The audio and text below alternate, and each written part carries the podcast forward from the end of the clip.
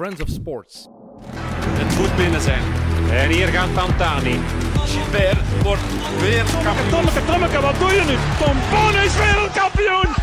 Niet te geloven! Een nieuwe Valsplat wielerpodcast van Friends of Sports. Ik ben Mats en naast mij zoals altijd onze vaste analist Jappe. Dag eh, Jappe. Vandaag eh, wel een collega-analist mee in de zetel. Eentje die misschien al iets mooiere ADO-brieven kan voorleggen. Bent je nu een beetje zenuwachtig? Of? Goh, eh, ik ben niet echt zenuwachtig, omdat ik heb eigenlijk de voor, voorgaande afleveringen vooral gedaan alsof. En nu moet ik dat niet meer doen. En dan speel ik alles door aan Bert. En als ik eh, domme dingen vertel, dan ga ik ervan uit dat Bert mij zal verbeteren. Ik ga vooral mee in domme dingen, denk ik. Oké, zo. Oké, domme dingen vandaag. Eh, Bert, ja, welkom. Ehm, luistert je in je vrije tijd veel podcasts? Eigenlijk? Eh, in mijn vrije tijd niet, eh maar tijdens fietsen soms wel. Voor mij is fietsen geen vrije tijd namelijk. Dus eh, nee, maar dat begint. maar dat is ook zeker niet systematisch. Ehm, maar tijdens een tour bijvoorbeeld, als ik dan nu en dan voor Vier Velo wel Hans een tour al meegemaakt hebben, maar niet alles wou zien, dan was Wiggins wel een, een voltreffer, vond ik. En eigenlijk toen ook ten Dam, eh, toen het Thomas Dekker op bezoek was. Dat is een generatiegenoot van mij. En ik heb al een paar keer dubbel gelegen met zijn uitspraken eigenlijk. Ja, oké. En eh, die podcast, dat doe je dan vooral als je zelf aan het trainen bent? Of Als ik alleen aan het fietsen ben eh, en dan vooral ik aan het losrijden ben. Oké. En bijna altijd over de koers dan? Ja, Oké, toch? Ehm, door mijn maat Mitchell Dokker wel een paar keer geïnspireerd geraakt door andere mensen bijvoorbeeld. Maar toch vooral meestal koers. En nu en dan dus, als iemand ander iets aanbrengt, zou ik er iets anders ertussen smijten. Maar niet, eh, niet standaard. Nee, oké. En kende je Valsplat al een beetje? Was, is dat al, wordt er al over gesproken in het peloton? Eh, nog niet. Nee. Maar dat gaat vanaf nu komen. Hè. Ja, voilà. Ja, Bert de Bakker te gast is geweest. Ehm, eh, ondertussen, ja, Jappe, eh, misschien iets kort over, over Bert, dat de kijkers en luisteraars zeker moeten weten. Oei, je overvalt mij eigenlijk. Eh, ja, het ding is, we gaan gewoon, denk ik, door heel Bert zijn carrière fietsen. Ik denk dat, zie je dat zitten? Dat we gewoon eigenlijk... eh, Ja, ja, voor mij uh, volgende is ideaal. Dus eh, geef maar gas en ik ga mee. Oké, ça va. Maar ik kijk er eigenlijk wel naar uit, ja. Oké, top. Ja, je zei een beetje je carrière eigenlijk begonnen, vrij laat eigenlijk, bij een Amerikaanse ploeg, als ik me niet vergis. Ja, eh, ik ben twee keer stagiair geweest. En dus eh, ik heb eerst vier jaar LO gedaan. En dan ehm, twee jaar de kans gekregen om alles op koers te zetten thuis. Dus dat ik geen job had. Eh, ik heb wel nog mijn eh, aggregaat gesplitst op twee jaar, om een beetje bezig te blijven. En dan het eerste jaar eh, van die twee jaar ben ik bij Navigator stagiair kunnen zijn. Want ik had toen wel een goed jaar gedraaid, BFM 2000. Eh, anderen mochten dan stagiair op de Quickstep, die de, de hoofdploeg was. En was zo'n beetje, ja, ik ga niet zeggen in mijn had gebeten. Als jonge renner zijn je minder objectief over jezelf dan, dan anderen, denk ik. Maar hebben ze toch voor mij die troostprijs bij Navigators kunnen vinden. Wat dat wel eh, toen fantastisch was. Eh, dat was een ploeg die eigenlijk wel aan het doodbloeden was. Maar als jonge gast was dat een, een ploeg met fantastische kleren, vond ik. Eh, ze hadden geen super kopman, dus ik kon toen wel een beetje in zo mijn draai vinden en mijn weg vinden. Dus eigenlijk alle koersen dat ik reed, moesten we ook niet volledig wegcijferen en mocht ik echt wel ontdekken. Ze hadden geen super ko- kopman, maar ze hadden wel Sergej Lagutin. ja, maar niet de koersen dat ik toen reed. Ah, oké. ja. Ehm, en dus daar heb ik goh, hoeveel koersen gereden. Eh denk geen vijf koersen of misschien een vijftal koersen. Want vergelijk eigenlijk Na- Navigators eens een keer met een ploeg nu. Ehm, voor mij was dat eigenlijk wel een vrij onbekende ploeg. Misschien een beetje rally. Ja, oké. ja. Ehm, ja, die kwamen ook naar hier, die reden hier een programma. Eh, misschien wat kleiner dan rally. Want ik weet niet of ik de ploeg zelf kende voordat ze zeiden dat ik de stagiair kon zijn. Eh, maar Erik van Lanker was dat ploegleider en die had goed contact met mijn Vijs. Die ploegleider was bij mij bij de jeugd. Dat was de connectie eigenlijk. Ja. Ja. Oké. Ehm, en dus toen was ik nog geen prof. Eh, en het jaar erop eh, doe ik mijn tweede jaar amateur. En in de zomer kreeg ik dan de kans om bij Skill stagiair te worden. Met de belofte wel dat ik ging mogen bijtekenen. Of de belofte. Eh, ik had toen wel gevraagd van het is niet de bedoeling dat ik hier nog twee maanden al zit de kast haal. Want ik had eigenlijk al mijn conditie gerokken, gerokken, Ja. gerokken, gerokken. Je had eigenlijk wel wat perspectief nodig op dat moment. Ja, eh, als jeugdtrainer, of met, dat was mijn, mijn laatste kans voor mij. Ik had een goed jaar gereden. En dan hadden ze me dan gezegd van ja, we gaan pas in oktober beslissen of dat je mocht blijven of niet. Ik had mijn rustperiode eigenlijk al uitgesteld en mijn piek aanhouden, Ja. eh, zo lang mogelijk. En die zeiden ook van ja, het is meer om te kijken of je in de groep past, of je een beetje een toffe jongen bent. Eh, wat dat natuurlijk geen probleem was. Nee.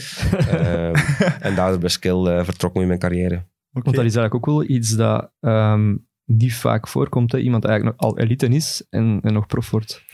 Wel, Ik had twee dingen, ik kan niet zeggen twee troeven, want het is een beetje een droef iets, maar ik heb in eh, 2005 mijn femur gebroken bij een auto-accident. Dus dat was ik derdejaars belofte. En eigenlijk voor mezelf was het fantastisch dat ik eh, die zomer ervoor voor het eerst een handjaar gekoerst had, of dat jaar ervoor. Eh want eerste belofte en tweede belofte heb ik gewoon eh, mijn studies gedaan, het leven genoten zoals het was. Ehm, en begon ik te trainen na de examens in juli. Ik trainde dan een maand en dan koerste ik twee maanden. En op dat moment, als je dan nog beloof, had je dan wel het perspectief van oké, ik wil wel prof worden? Of was dat op dat moment van... Nee, dat was ver van mijn bedshow op dat moment. Omdat ik was, ik denk, mag zeggen, een goede junior. Ehm, en dan was het leven fantastisch. Dat was het mestteam, het beste team van België. eh, met toen Wouter erbij. En dat was... Ik heb mezelf nooit gezien als het talent. Eh, maar ik heb wel altijd vanaf dag één er alles voor gedaan. Ehm, en koers zoals spelen, alles ging vanzelf. Ik heb mij bij weinig dingen moeten vragen stellen. Omdat ik er serieus mee bezig was, was dat geen carrièreplanning. Eh, en dat team stopte toen. Waardoor ik bij de belofte niet kon doorstromen bij mijn team, moest ik een andere keuze maken. En dan ben ik bij Davo terechtgekomen, de voorloper van Ah. Jeugd Lotto.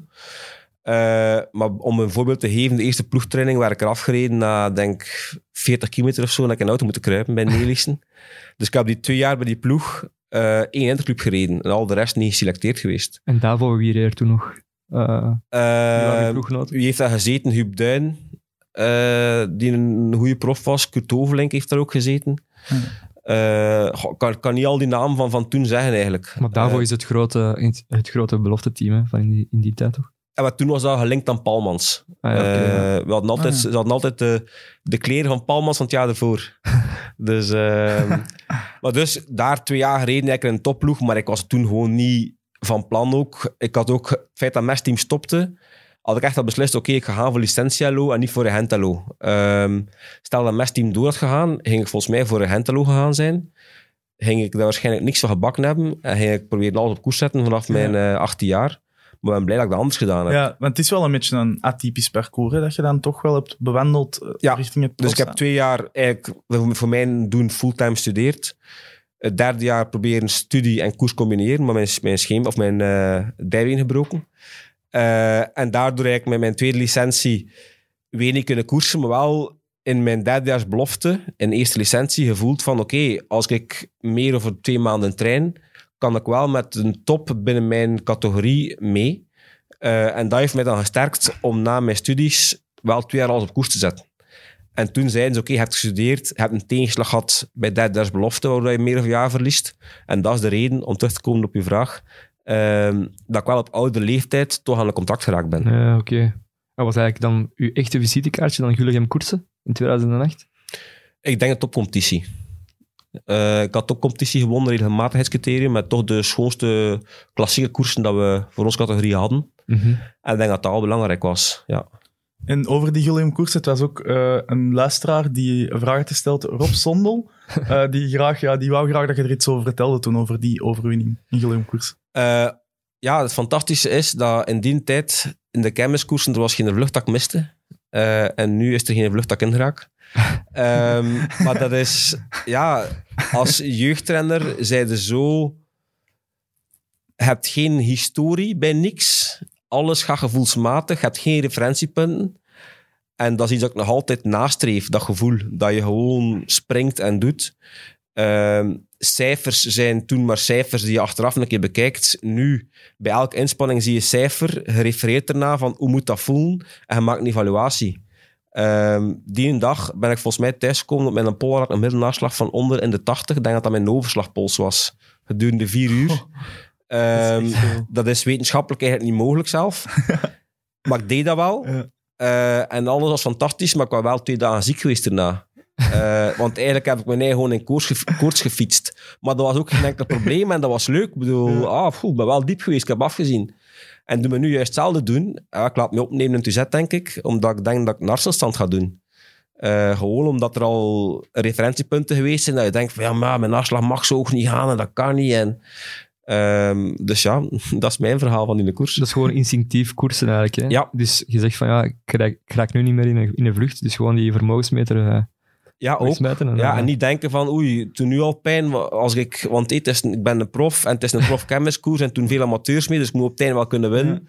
Ja, dan op die moment denkt er niet aan winnen. hè. Op die moment wilde gewoon zo diep mogelijk gaan, zo lang mogelijk. Eh, en dan op het einde begon ik pas te beseffen, als Van Slijken zei tegen mij, van ja Bert, hé, want Van Slijken ploegleider bij Quickstep en eh Maarten Weijlands bij Quickstep, van ja, jullie gaan elkaar niks in de weg leggen, hè.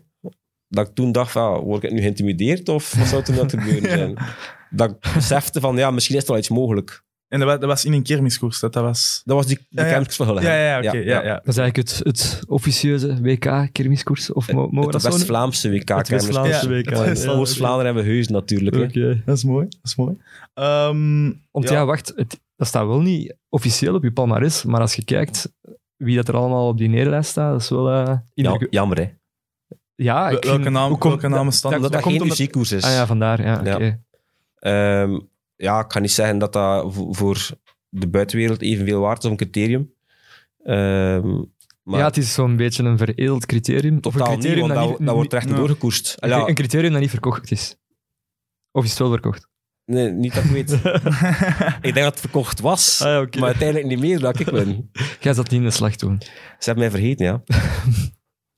Je hebt wel nooit voor... eh, eigenlijk in je, in je profcarrière nooit voor een, echt voor een Belgische ploeg gereden.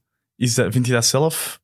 Vind je dat zelf raar? Had, had je dat op voorhand kunnen denken dat je gedurende je carrière niet voor een Belg... Allee, misschien komt het nog, maar... Een, een echte. Als, ja, Ehm, inderdaad. Toch wel, inderdaad. Bert de Bekker toch wel een echte Vanderij en nooit voor een Belgische ploeg gereden. ik vind het heel logisch dat ik nooit voor een Belgische ploeg gereden heb, als ik mezelf nu zie. Ik ben er ook heel blij om. En daarmee bedoel ik niks af van dat het slecht zou zijn, maar Nee. ik vind het heel verrijkend dat het anders geweest is. En waarom precies? Eh, het is begonnen met de Hollandse mentaliteit, waar dat ik eh, heel, ach- heel ferm achter sta, zijnde heel rechtdoor, Ehm, wat dat enorm mij past. En dat komt soms wel een keer terug op bepaalde momenten, dat dat misschien minder tactisch was. Eh, en nu het Franse is een totaal andere wereld. Ik ben zeker heel blij dat ik daar geen prof geworden ben, want dat zou me niet ten, ten goede geweest zijn. Maar het was een fantastische afwisseling na negen jaar Sunweb. Ja, Ja. dat was wel nodig. Ja. Ja, ik was er klaar voor. Maar als dat vroeg in je carrière had geweest, dan, dan had dat helemaal anders uitgedraaid. Ja, ik heb... ehm, ik ben bij Sunweb kunnen doorgroeien naar de World Tour. Dat was eerst en vooral heel dankbaar. En, en dat was ook gewoon de juiste trainer op de juiste plaats ik toen. Dat, waren eigenlijk de eerste, of dat was de eerste ploeg die een teamcaptain echt waardeerde in zijn rol. Dus niet per se van je moet zoveel wat of je moet... Nee, eh, dat is je rol. Je moet echt eh, de jongens begeleiden, de jonge gasten helpen. Ehm, en daarvoor moesten niet fysiek de beste zijn. Ehm, een sprinttrein op de rails zetten kon ook zonder de, laatste man te zijn, de voorlaatste man te zijn. Eh, en daar ben ik hen heel dankbaar in. Ehm, het projectmatige werken is wel ook wel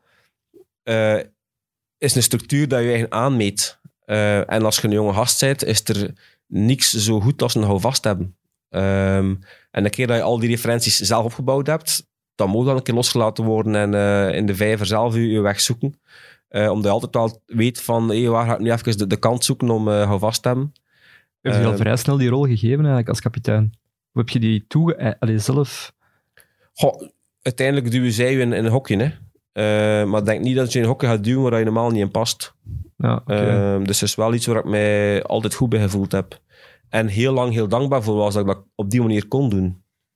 Want je hebt zo die beginjaren van Schil meegemaakt. Je hebt echt die ploeg eigenlijk zien groeien. Naar Ja. eigenlijk echt eh, van een beetje een vrijbui- vrijbuitersploeg, Ja. eh, sprintersploeg, naar de, de protocollenploeg. Ja. Eh, wat ik mij ook wel afvroeg is, je hebt, ja, je hebt Kittel en Dekel meegemaakt, mannen dat ook echt in het Vlaamse werk. Heb jij die mannen echt gegidst?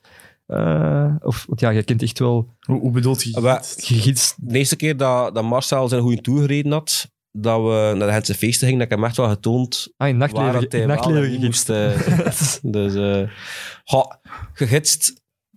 Het is, moet u inbeelden dat die jongens wel heel veel ervaring hebben. Die hebben natuurlijk ook als gekoerst als belofte over die Vlaamse wegen. Ja, maar om bijvoorbeeld om over een sprint te hebben of een etappekoers, is het als teamcaptain niet alleen gidsen, maar ook gewoon verantwoordelijkheid wegnemen. Zijnde, ehm, Marcel, hij denkt aan uw sprint, maar je maakt u geen zorgen over die ontsnapping die terugkomt. Ik zou echt wel zorgen dat onze, onze ploeg op kop rijdt, wie dat, dat gaat doen. Wanneer dat wij met een ander moeten gaan zagen voor manneken bij te zetten. Wanneer dat onze manneken, eh, of dat wij moeten rap rijden dat we nu kunnen. Mhm. Dus het is ook vaak zulke dingen die eh, gedachten, eh, mentale load wegnemen Ja, van, uw, eh, van uw sprinter. Mentale lood wegnemen van Marcel Kittel. Dat Ja. was eh, misschien een, een, een dubbele job, want die heeft ook wel demonen gehad. Ja? Heb je dat ook gemerkt toen ook? Nee. Niet, Nee, dat nee. is pas eigenlijk later. Maar ik vind het een beetje... Is dat opgeblazen? voor mij is het ook toucheren als mensen over Marcel negatieve dingen vertalen. En demon is misschien niet per se negatief bedoeld. Eh, maar voor mij gaat dat iemand... Voor mij is dat een voorbeeld van iemand die een passie heeft, daarin groeit. eh, daar uiteindelijk zo fantastisch goed in blijkt te zijn, dat er heel veel randfactoren bij komen die het plezier van die passie wegnemen. En uiteindelijk, nu fietst hij weer, amuseert hij op zijn fiets, maar die fun-factor is gewoon verdwenen doordat fietsen zo belangrijk geworden is. En dat hij door zijn kwaliteiten voor andere mensen zo belangrijk geworden is, waardoor dat hij ook... Dat, dat was veel gewichtiger dan dat dat al begonnen is. Ja, ja. Dus ik vind het wel gewoon fantastisch dat hij daarachter gekomen is, dat hem dat eh, niet meer het plezier had dat, dat, dat hij had. Dat was een super moedige beslissing eigenlijk. Ik vind dat wel straf, ja. Hè? Ja, Ja. inderdaad. Ja. Maar je had dat toen nooit verwacht dat hij nou, toch relatief vroeg zijn profcarrière Nee. zou afronden. Nee, maar dat is ook eh, vier of vijf jaar geleden, hè, dat wij samen fietsten. Nee, dat is inderdaad wel. Maar ja, oké, toch. Het is, het is toch vroeg dat hij gestopt is. Ja, het is vroeg dat hij gestopt is, maar ik kan maar zeggen, toen, toen was het nog één half fun. Oké. Bedoel, de, de- Maar vanaf dat bij hem die fun factor eigenlijk verdwenen is, dan, is het, dan, dan, dan wist je van, oké, Marcel Kittel kan niet meer... nee, want Kan het stel dat geld, stel dat, ja. Dus ik heb met hem de Giro gedaan, dat hij in Belfast ook wint. Ehm, en dan nog meevliegen naar Italië. En eigenlijk was dat toen ook, de ploeg wou zoveel dat hij die, prestaties leverde. Eh, hij zelf ook wel, maar hij had ook andere ideeën. Eh, en toen was hij ook al zo strubbeling. Dan moest hij uit koers met zo gezegd een kniepijn of ik weet niet meer dat dat gelopen is. En toen merkte hij ook wel van, die belangen zijn zo groot. Die- het is niet omdat hij zelf, de, ploeg wil dat hij daar is en hij moet daar zijn en hij moet presteren. En, ehm, er zouden andere renners zijn die dat naast zich neerleggen en die zeggen, oké, ik verdien goed mijn boterham en ik ga het nog zo lang mogelijk proberen doen voor zoveel Ja. mogelijk geld. En denk gewoon dat hij een andere keuze gemaakt heeft.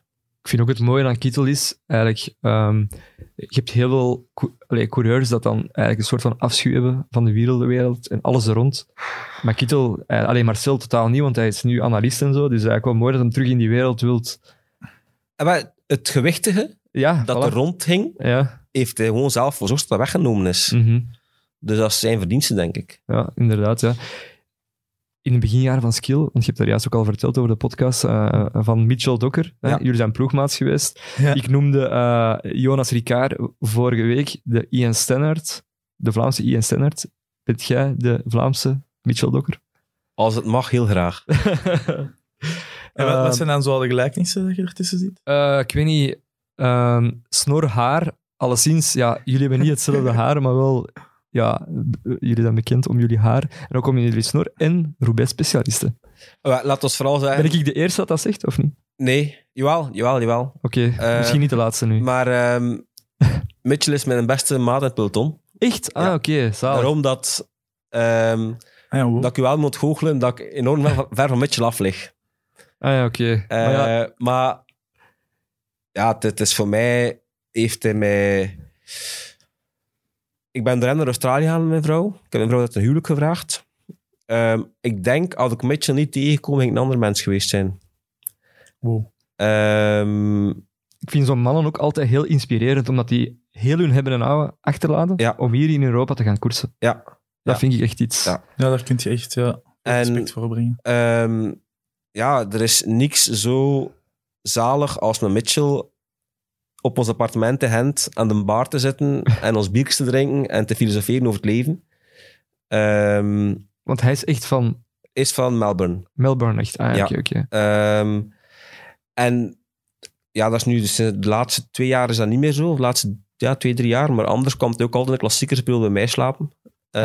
Ehm, Hij is enorm gedreven met voeding. Eh, de kwaliteit van voeding. De... Dus op dat vlak heb ik ook enorm veel van hem geleerd. Om, om goede dingen te eten, om lekkere dingen te eten. Ehm, Wat is zijn geheim? Of, of met wat is hij echt speciaal? van alles. Hij, hij heeft, ja, hij heeft al heel extreme dingen gedaan. De Golden Bullet.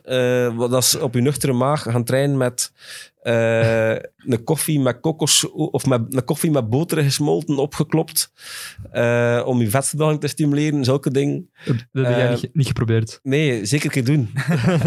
Een keer het aanslaat is fantastisch, maar uiteindelijk ga je toch je klop nog krijgen daarna ook. Dus echt eigenlijk van die absurde dingen. Ook Ja. het appeldieet van Jos van Emden. Dat is ook zo'n verhaal. Ja, jour, du pomme, uh, like aan de Fransen zouden zeggen.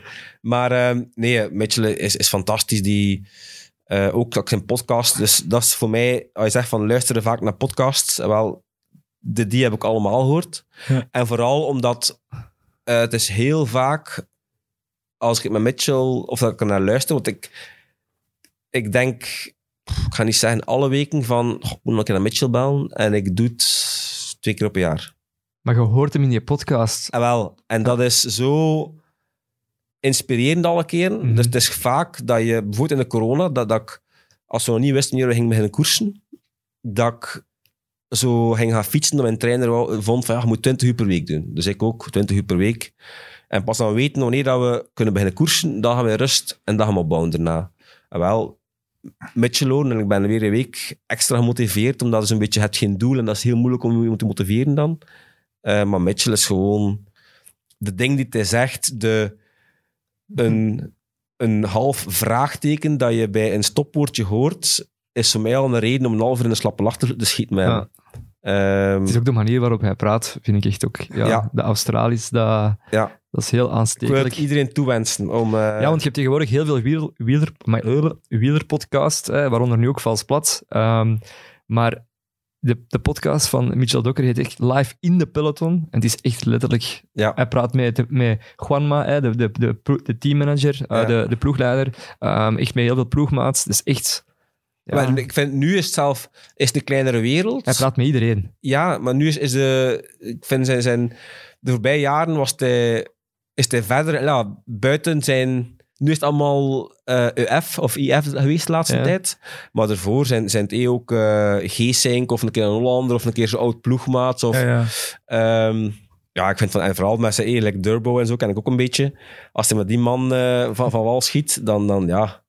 Want ik volg ook op Instagram, ja, ik denk dat ik Dokker wel volg, maar ook uh, Legnet Morten en zo. En ik denk dat ze vorige, nee, of een paar dagen geleden echt een zotte tour hebben gedaan. Eigenlijk, eh, Wel rauwe fietsjes. ja, inderdaad. Echt in uh, oldschool kledij. Eh, Mitch- Mitchell in uh, Onzee. Ja. Eh, en echt zo'n beetje back to basics rond een vuur. Eh, het is ook wel een avonturier. Mitchell is een puur. Ja.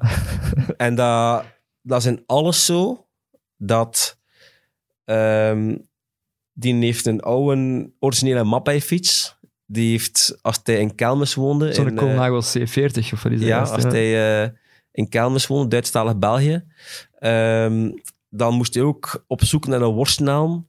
Eh hij is bij mij thuis geweest. Dat, ik had van, ik weet niet wie, een keer een West-Vleteren had. En eigenlijk, dat smaakte mij toen niet. Ik zei, Mitchell, moet hij... eh, Ik dronk toen alleen eigenlijk donkere leffen bijna. En, en anders een, een, een donkere Bornemsen. Donker bier, dat was het enige bier dat ik dronk. En eh ah, Mitchell, hier, een West-Vleteren, moet hij hem hebben? Ik zei, ik vind het niet lekker. We gieten hem uit. Ik denk ervan, oh, hey, ook niet lekker. Het zat zo bom in en hou. We gieten hem weg. S'avonds hoort hij van iemand anders, ja, Mitch, wat heb ik gehoord, West Vleteren weggegooid. En dan het verhaal vertelt van West Vleteren. En dan, ja, ah, Bax, eh, we need to do it again. Want ene West Vleteren, dat verhaal, eigenlijk waarschijnlijk vond ik hem fantastisch, maar de week erop, of een tijdje later, komt hij weer mee thuis. Weer, ik had nog een staan, ook open gedaan, het was fantastisch. Dus voor hem ook het verhaal en Hans de beleving. En, ehm, ja, dit is... Want hij woont nu in Andorra. Niet? Of, of, of Eh, Girona? Ik denk dat hij in Girona en Andorra Ah, ja, woont. oké, is al geregistreerd in Dat is Andorra. al iets dichter bij waar jij woont. Eeklo, Gent. Ik woon nu in Lovendegem. Lovendegem. Eh, maar dus ja, hij woonde tijd en tijd in Kelmis. Maar dan ben ik ook... eh, op die moment vond ik dat ook heel ver om naar hen te rijden. ja, dat zal wel. ja. Wat ook een beetje heel debiel is. Hoe ouder je wordt, dat je beseft dat het allemaal niet waard is om... eh, ehm, Maar dat is ook gewoon Maar- het kleine Vlaanderen. Hè? Als Ja. wij al voor een uur moeten rijden, is dat ver. ja, en nu ook... Ik heb ook een Duitse maat gehad die zegt, ja, mijn maat woont hier eigenlijk vlakbij, maar dat is twee uur rijden. Ja, ja. Dus dat is... Ja, en dat is dus enorm jammer. En, en nu met ons kinderen is het ook moeilijker eh, om af te spreken, Ja. vinden wij. eh, om mij maar als vier naar Hinter te vliegen of zullen wel er vier naar hier. Ja. Eh, het is nu gewoon heel jammer dat de klassiekers niet doorgegaan zijn. Hij heeft de Vuelta gereden, maar anders was dat weer een kans aan hem gingen Mhm. zien. Ehm, Ja, wat ik vooral onthoud is... ehm, De West-Vleteren weggekapt. ja, We- West-Vleteren weggekapt. Voor mij bent je nog altijd wel de Vlaamse Mitchell Dokker. Maar je bent een totaal verschillende persoon. Ja, maar ik- heb je het beeld gezien als ze, als ze samen in ontsnapping zitten in de ronde? Ja, ik heb op je Instagram staan het, hè. Ja, Hemels. ja inderdaad. Daar heeft de geld voor. maar het is, wel, het is wel een vriend die ook na het koersleven wel verder in leven. je leven. Ja, dat Ja. is echt voor het leven. En wie weet gaan we elkaar tien jaar niet zien. Maar eh, ja, we gaan sowieso ooit... Binnen tien jaar is dat nog exact hetzelfde, Ja. die band. Ja. Ja, Ja. Oké. Ehm, dat is mijn vrouw haar golden ticket om in Australië te geraken. Dat is dat we Mitchell zo bevriend zijn. Ja. Ja. Wel, dat vind ik eigenlijk wel zalig, want ik wou eigenlijk gewoon even babbelen over live in de peloton. Omdat, omdat ik vind dat jullie op elkaar lijken, maar ik wist niet dat jullie echt Ja. zo close Ja. waren. Dus eh, Ik ben wel is in meer een podcast geraakt. Ja. Nee, Straf. dat is raar. ja, inderdaad. Misschien nu via is, is, Valsplat. uw Engels goed? Maar ja, Ja, eh, I, I would think good enough. But yes, you never know. eh. dus bij deze eigenlijk een sollicitatie. Misschien luistert hij. Je gaat het niet horen, denk ik. Maar ehm, het is ook, ook niet erg. Ik, ben, ik zou hem liever gewoon nog een keer spreken en zien dan... eh, maar het goede nieuws is dat we elkaar volgend jaar ook, ook nog gaan zien. Eh Oké. want dat is ook Ah, altijd voilà. iets op het einde van het jaar dat we niet zeker zijn. Ehm, Ja, oké. Maar dus ja, ik heb hem een foto van Norval doorgestuurd als ik iets moest vieren. Ik heb van hem een foto terug gehad een eh, week geleden of zo. Of twee weken geleden. Dus dat is eigenlijk gerustgesteld. Het, is, eh, het is dus meer dan het caps alleen. Er was wel eh, een luisteraar of een kijker die ook een vraag had. Ja, nu dat de kappers opnieuw dicht zijn, ja, hoe onderhoud je dan die, die haarbels van u? Het straffen is dat ik... dus eh, drie weken rust. Na één week was mijn haar een ramp. Eh, en we gingen thuis nog een boom omleggen. Ik zei tegen een pauw, we gaan even wachten. Ik ga eerst naar de kapper. Eh, First things first. Ja, toen mocht dat nog. Dat was eh echt een verademing. Maar nu zijn we drie weken verder en dat is nu weer al een week aan het ergeren. Dus ik had gevraagd, ja, de zijkant een beetje vannacht mag nog langer blijven. maar het is nog rapper gegroeid. Dus Ja. ik denk dat alle energie ik normaal in mijn fiets steek, dat die nu in mijn haar gesprongen is. Eh, dus eigenlijk moet ik wel een oplossing vinden. En ik denk dat ik mijn vrouw ga vragen. Ja, heeft Dus ik heb eh, gevraagd van, het zitten? kapperscapaciteit? Nee, totaal niet. Maar ik vind dat ook niet erg. Als de zijkant nog frisser zijn, de bovenkant, ja, het groeit sowieso terug. Hè? ik heb het ook al aan Andy van mij gevraagd, maar Ja. ze zien het niet zitten. Ah, oké. Dus eh, er is wel werk momenteel, als ja. ik zie. Maar mijn, ik doe ook met jongens raar. Dus ze heeft met mij al veel met mijn jongens bezig gezien. Dus ik kan ook een keer, eh, een keer oefenen. Hoe, jij, jij hebt je kinderen... Ik doe met jongens raar. Ah, oké, oké. Dus, Dat zit er ook aan. amai, ja. Maar eh, met de keren dat we Hebben die ook al zo'n snorken? Nee, nee. Eh, maar met eh, het geld die we uitsparen van de kapper heb ik al een tondeus gekocht natuurlijk. Dus niks voor niks. Nee. Nee. Bent u daar dan, allee, is dat bewust, eh, zo, dat snootje en dat kapsel ook wel een beetje om zo een image te creëren rond uzelf? Allee, positief dan, hè? Om- omdat dat bij de mensen toch Dat wel haar bijblijft. maakt de mensen een pak meer van dan, dan ik. Ah, dus ja. ik ben niet met mijn haar bezig. Eh, ik ga wel, probeer wel proper te zijn. Ja. Eh, ik heb nu ook wat in mijn haar gedaan. Als ik vertrok, mijn pet opgezet, dat, dat achterover lag. Want dus snor en haar tot hier is wel moeilijk. Eh, en de snor is nu eigenlijk maar... Ik heb hem laten staan sinds begin november. Eh, ik heb nu mijn baard afgeschoren, dus die is eigenlijk maar een dag eh, op dit punt. Ik heb eigenlijk nog niet in de spiegel gekeken mijn haar en er nu uitzien, dus ik hoop... Ik heb wel er oven geprobeerd, maar ik zag het niet zo goed. Voor de luisteraars, eh, het ziet er goed uit. Voilà. Ehm, Oké, misschien even naar, het, ja, naar uw, uw huidige situatie nu. Ehm Jappe dacht, denk ik, toen met Dimitri Klais, eh, dat, dat jij ging stoppen met koers. Ja, dus de, de Dimi zat hier en ik zei van ja, praten jullie daar dan veel over? Want ja, eh, Nicolas Maas stopt er ook al mee en Bert ook, dus hopelijk gaat hij niet mee in die, in die spiraal. En hij zei gewoon direct van ja, ehm, Bert gaat volgend jaar zeker nog koersen. Ik stop met koersen, maar volgend jaar nog niet. Ehm, zoals ik zei, heb ik eh, op een goede avond een Norval uit 2014 opengetrokken. In de school. 369, of hoe zit dat nu weer juist met die Orvals? Maar ja, dat is, eh, Mitchell is er ook weer begonnen voor mijn verjaardag met een bak Orval te geven, de completen, wat dan moeilijk te bekomen is. En ik heb nu twee bakken staan die aan het verjaren zijn. Ehm, en die ene was twee jaar over tijd zeker. Ik denk Ja. dat ze drie jaar goed blijven ongeveer. Ja, je kunt zo... Ja, ik heb ook, bij bij ons achter ook, eh, Café de Vijfhoek is een, een Orval, official Orval café. Mhm. En daar kun je ook een Orval bestellen van Dat is eigenlijk dezelfde Norval, maar die zit dan al drie jaar in de kelder. Of Ja. zit dat juist? Ja. Hebt misschien Eh, in de ik had dan eens een keer gemerkt dat Marcel naar eh, de Doleriet ging. Na een, een middagje, denk ik, proeverij bij Brouwerij Huigen in Melle. Aanraden trouwens, lekkere biertjes. Wacht, wa- wacht, dus de Dolle Griet? Of de... De Dullegriet De op de Vrijdagsmarkt Ja. in Gent. De, die heeft ook Orval van... Drie, zes... Ja. En dat was 34 euro het flasje. Dus ik zei tegen Marcel, doe mij maar zo in als hij een rondje ging geven. Eh was je tenslotte bij mij thuis eh, voor te blijven slapen, dus mocht hij er wel iets voor terug doen, dacht ik. Ehm, maar dus, dan wist ik bestaan af van een Norval kun je wel laten verjaren. Eh, en om terug te komen op je vraag, doe ik nog een jaar verder? Ja, ik heb eh, contracten getekend om nog een jaar te koersen. Waar? Ehm, en waar? Ik hoop weldra een repost te kunnen doen op Instagram van Oh, een ploeg Zo die teasen. post dat ik teken of verleng of eender wat. maar je hebt al je nog niks zeggen? Ja, nee, ja. Ik bedoel, als er door miljoenen mensen wordt beluisterd en bekeken, mag ik de mensen die dat willen Miljoen- aankondigen dat niet afnemen. niet. Miljoenen Noem ze een scoop. Dat, dat noemen ze een scoop, maar eh Ja. Jelle Wallace had hier ook een paar afleveringen geleden en die had nog niet getekend bij Koffiedis. Ja. Maar die zei wel, dat is hangende, ik ga daar tekenen. ja, natuurlijk, dat is ja, wel eyes, hè.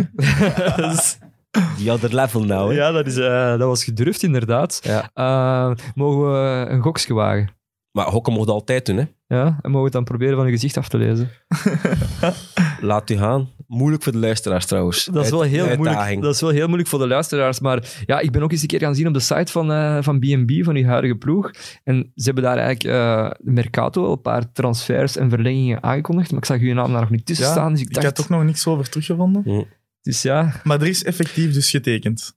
Dat is 100%. Ik ben begonnen met trainen, ja, ik het 2021 weer vol moest staan. Oké. maar, Ja. maar dat is eigenlijk, dat is eigenlijk super goed nieuws. Dat is fantastisch. ja, ja. Want het zag er niet super goed uit. Of Vond je dat? nee, voor, nee, ja, als je nog altijd niks had getekend. Ja, het zijn ook super... ik heb al een tijdje getekend, hè. Ah ja, oké, oké. Maar het zijn ook ik- ik super, heb moe- al, het zijn eh, super moeilijke tijden, hè. Hoe lang geleden getekend? Maar waarom... De week voor het Wevelhem was het... eh, En hoe- Ja, wa- waarom, waarom mag dat nog niet geweten zijn? Waar je hebt getekend? ja, speciaal nieuwsfoto's voor een beetje langer, hè. Maar ik vind het wel De grote eh, namen. Ja, ik vind, het wel, ik vind het wel spannend. Maar ja, we gaan, we gaan niet raden of zo, want ja, dat slaat Maar nergens op. daarnet zegt je ik een goksje wagen. Ja, maar ja, ik, dan, dan zit hier met een uitgestreken gezicht. eh Was dat? welk? Ja, voor de, voor de kijkers die kunnen nu de pokerface van Bert de Bekker zien. Ja, nee. ehm, Normaal ook- gezien... Maar het is de ook kern is, ik heb beslist in, ehm, in die corona, ik heb me fantastisch geamuseerd op training. Ja. Eh, Want je zei wel op Sporza van, ja, hè, eind mei, ehm, dat je even die motivatie zoekt. zoekt Ja. was van, waar ben ik mee bezig? Het is ook... eh, ja, van alleen moet ik niet meer gemotiveerd zijn. En, maar het probleem was toen dat ik geen doel had. Ja. Dat ik niet wist van wanneer er beginnen we. En, en je zit net... Je hebt geen doel En, je lichaam nodig. verandert. Dat heb je nodig. ja. Maar ook je lichaam verandert niet. Je, je gaat, je gaat niet in rust terwijl je in topvorm, of in, in goede vorm bent, dicht tegen topvorm aan. Dus al wat je dan traint, je lichaam verandert niet. En dat is het fantastische van nu. Ik bedoel, gaat gaan lopen, je bent vijf dagen brokken stijf. Je fitness, je bent weer stijf. Je fietst, je voelt dat je moe bent. En een week later voel dat het allemaal anders is. En een week later, dus nu ga ik een zekere maand en half, dat je elke week voelt van, wow, cool, weer Ja. beter aan het worden. Progressie. Maar als hij in maart plots hoort van, oké, stekker eruit, we koersen niet meer. En trein recht, eh, trein 20 uur, je lichaam doet niks, hè. Ik bedoel, of dat je nu vier uur gaat fietsen, vijf uur gaat fietsen, drie uur aan blok gaat fietsen, je lichaam blijft kloefzelden. Um, en dat is gewoon niet, niet inspirerend, niet motiverend. Ehm, maar ik heb toen beslist, als ik weer begin trainen ben in mei, eh, dat ik echt nog een jaar wil voortdoen. Dat Ja, ik fysiek het zeker nog aan kan. En het was ook super jammer voor u dan. Ja, geen Roubaix. Ja. Als een Roubaix-specialist. Maar ik, ik had er een beetje schrik voor. eh, ja, omdat het een natte Roubaix ging zijn. Ja, Ja, ik weet het niet. Maar het was zo'n grote teleurstelling voor u. Ja, maar het was ehm maar schrik, rollercoaster. schrik, van, schrik van uw lievelingskoers. Bij het onbekende. We zijn wij gewoontedieren als wielrenners. Zijn wij half autistisch gekweekt. Mhm. Ehm, Je bedoelt gewoon het dier omdat het op een ander moment in de kalender stond? Ja, of en- ook vanwege het parcours? ja, en ik, ik had zodanig veel controle over hoe het dat verliep naar een normale Roubaix. Ja, Ja. Je zag die herfsteditie niet helemaal zitten. ik, had, ik had er geen voeling mee. Ik wist niet hoe dat, dat ging verlopen. Hoe dat, dat ehm, ook mijn septembermaand... Ja, anderen hebben een tour. Of hebben, ik had niet zoveel koersen. Oké, het zijn er minder koersen. Eh, maar dus ja, dat was heel, heel speciaal. Dus er was een ontgoocheling, maar kon dat wel snel op een plaatsje steken van oké, dat is nu gedaan en ik ben blij dat we niet eh, nog drie weken wel eens, niet eens, wel eens, niet eens, want daar had ik ook geen zin in. Je weet toch waarom? Omdat je getekend. hè? Niet? weet. Je moest, ah ja, want je moest je niet meer tonen. Ja, kan. Dan, die rust in je hoofd. Maar ja, dat moeten tonen zou laat geweest zijn natuurlijk. Ja, ja maar er zijn, er, er, zijn, er, er zijn nu heel veel collega's van u dat, dat nog niks hebben en dat waarschijnlijk in januari ineens iets gaan hebben. Dus Gaan- gaan laat er ons, laat ons hopen, hè. ja, ja laat ons hopen sowieso. Denk, denk Maar- jij, Bert, dat het er echt veel gaan zijn? Of gaan er heel veel... Ik heb nu gelezen, de NTT... Ja, ze gaan een doorstart maken. Gaan ze doorstart hebben- maken? Ja. Bjarne Ries heeft afgezwaaid. En wat En, ik dat, eh, dat las, Er komen, van- er komen miljoenen vrij. want ik denk dat er eh, sponsors waren die zich niet wouden engageren als hij erbij was. Mhm. Dus dat ik las van die gaat weg, had ik wel hoop voor veel jongens dat het nog ging goed komen. Ik ben er wel zeker van dat ze minder gaan presteren. Dat is een, dat is een voorspelling. Omdat Bjarne Ries heeft toch altijd wel dat, de aura. De, Goh, de ik denk andere- dat eerder gaan liggen dat eh, mensen enorm onder de prijs rijden. ja, maar dat, niet bewust, maar onbewust gaat dat wel moeilijk zijn. Want natuurlijk gaat iedereen tekenen dat je nog een kans kunt krijgen om, om Mhm. in een goede ploeg te starten met goed materiaal. Dat, dat is fantastisch. Maar niet iedereen gaat ermee om kunnen, denk ik, om hetzelfde ervoor te doen. Of ze gaan er zeker bewust hetzelfde voor doen, maar onbewust gaan ze toch anders beleven. Eh, Ehm, dat is eigenlijk zo toe dat coureurs... minder gewaardeerd voelen, misschien onbewust. Ik denk dat dat een gevaar is. Dat is toch zo, eh, coureurs, hoe, hoe, hoe liefhebbers dat dat zijn. Hè? Want Wallace zat hier dan ook, hè, om het er nog eens mee over te hebben. Ja. Die gaat voor min 70% van zijn prijs Ja. bij Koffiedis Dat rijden. is Dat is toch- ongelooflijk. Ja, maar ja, toch weinig- het, is, het is ongelooflijk. Laat ons daar gewoon duidelijk over zijn. Maar het is nog... Het is uniek, hè. De situatie waar we nu in zitten. Ja, tuurlijk, tuurlijk. Het ehm, gaat hopelijk niet meer voorvallen. En ik heb ook tegen verschillende jongens gezegd van... Hey, als je nu de kans krijgt en het is totaal je prijs niet, maar je bent wel iemand dat je gewoon weet van... Oké, die, die heeft niet één jaar nodig om hem te bewijzen. Dat is iemand die gewoon weet dat zijn waarde... En als volgend jaar de markt weer normaal is, Mhm. met een normaal aantal plaatsen, Ja. dan worden die weer eh, voor een normaal bedrag betaald. Ja. Dus dat is gewoon Dus de even een jaartje incasseren om dan terug Ik denk het wel. Ik hoop het, ja. naar het normaal te gaan. Ja. Oké. Eh, we waren net even op Parijs-Roubaix beland. Misschien toch even kort op doorgaan. Ja, die, die koers die, dat- die is op je lijf geschreven eigenlijk, Parijs-Roubaix. Ja.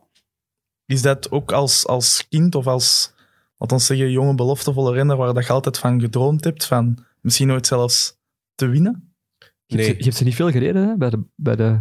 niet. Niet, hè? Ah ja, voilà. Nee. Bij de junioren ook niet, hè? Beloften ook niet? Nee.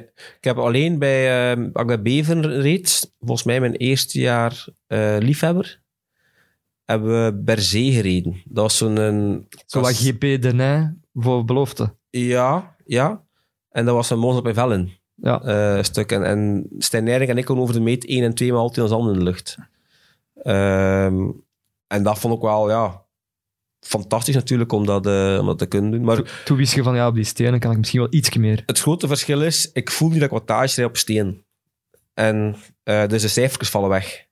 En als ik Ah, ja. bij Hop dezelfde wattage rijd, dan denk ik, ja, dat kan toch niet dat ik hier zo hard moet duwen, dat word ik moe. en en de steen, ja, voel de ander ding.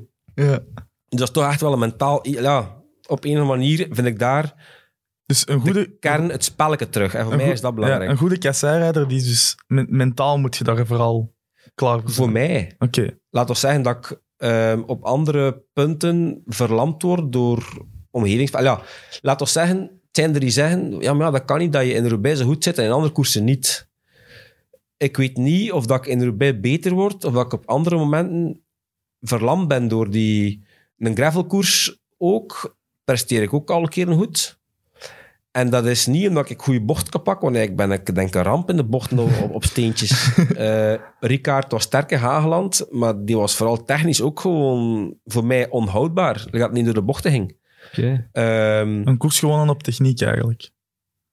ik zei dat hij fysiek ook sterk was. Hè? ja, Jo-. Jonas Ricard zei wel eh, na de uitzending tegen mij dat hij op training bijna altijd in zijn trainingsritjes gravel opzoekt.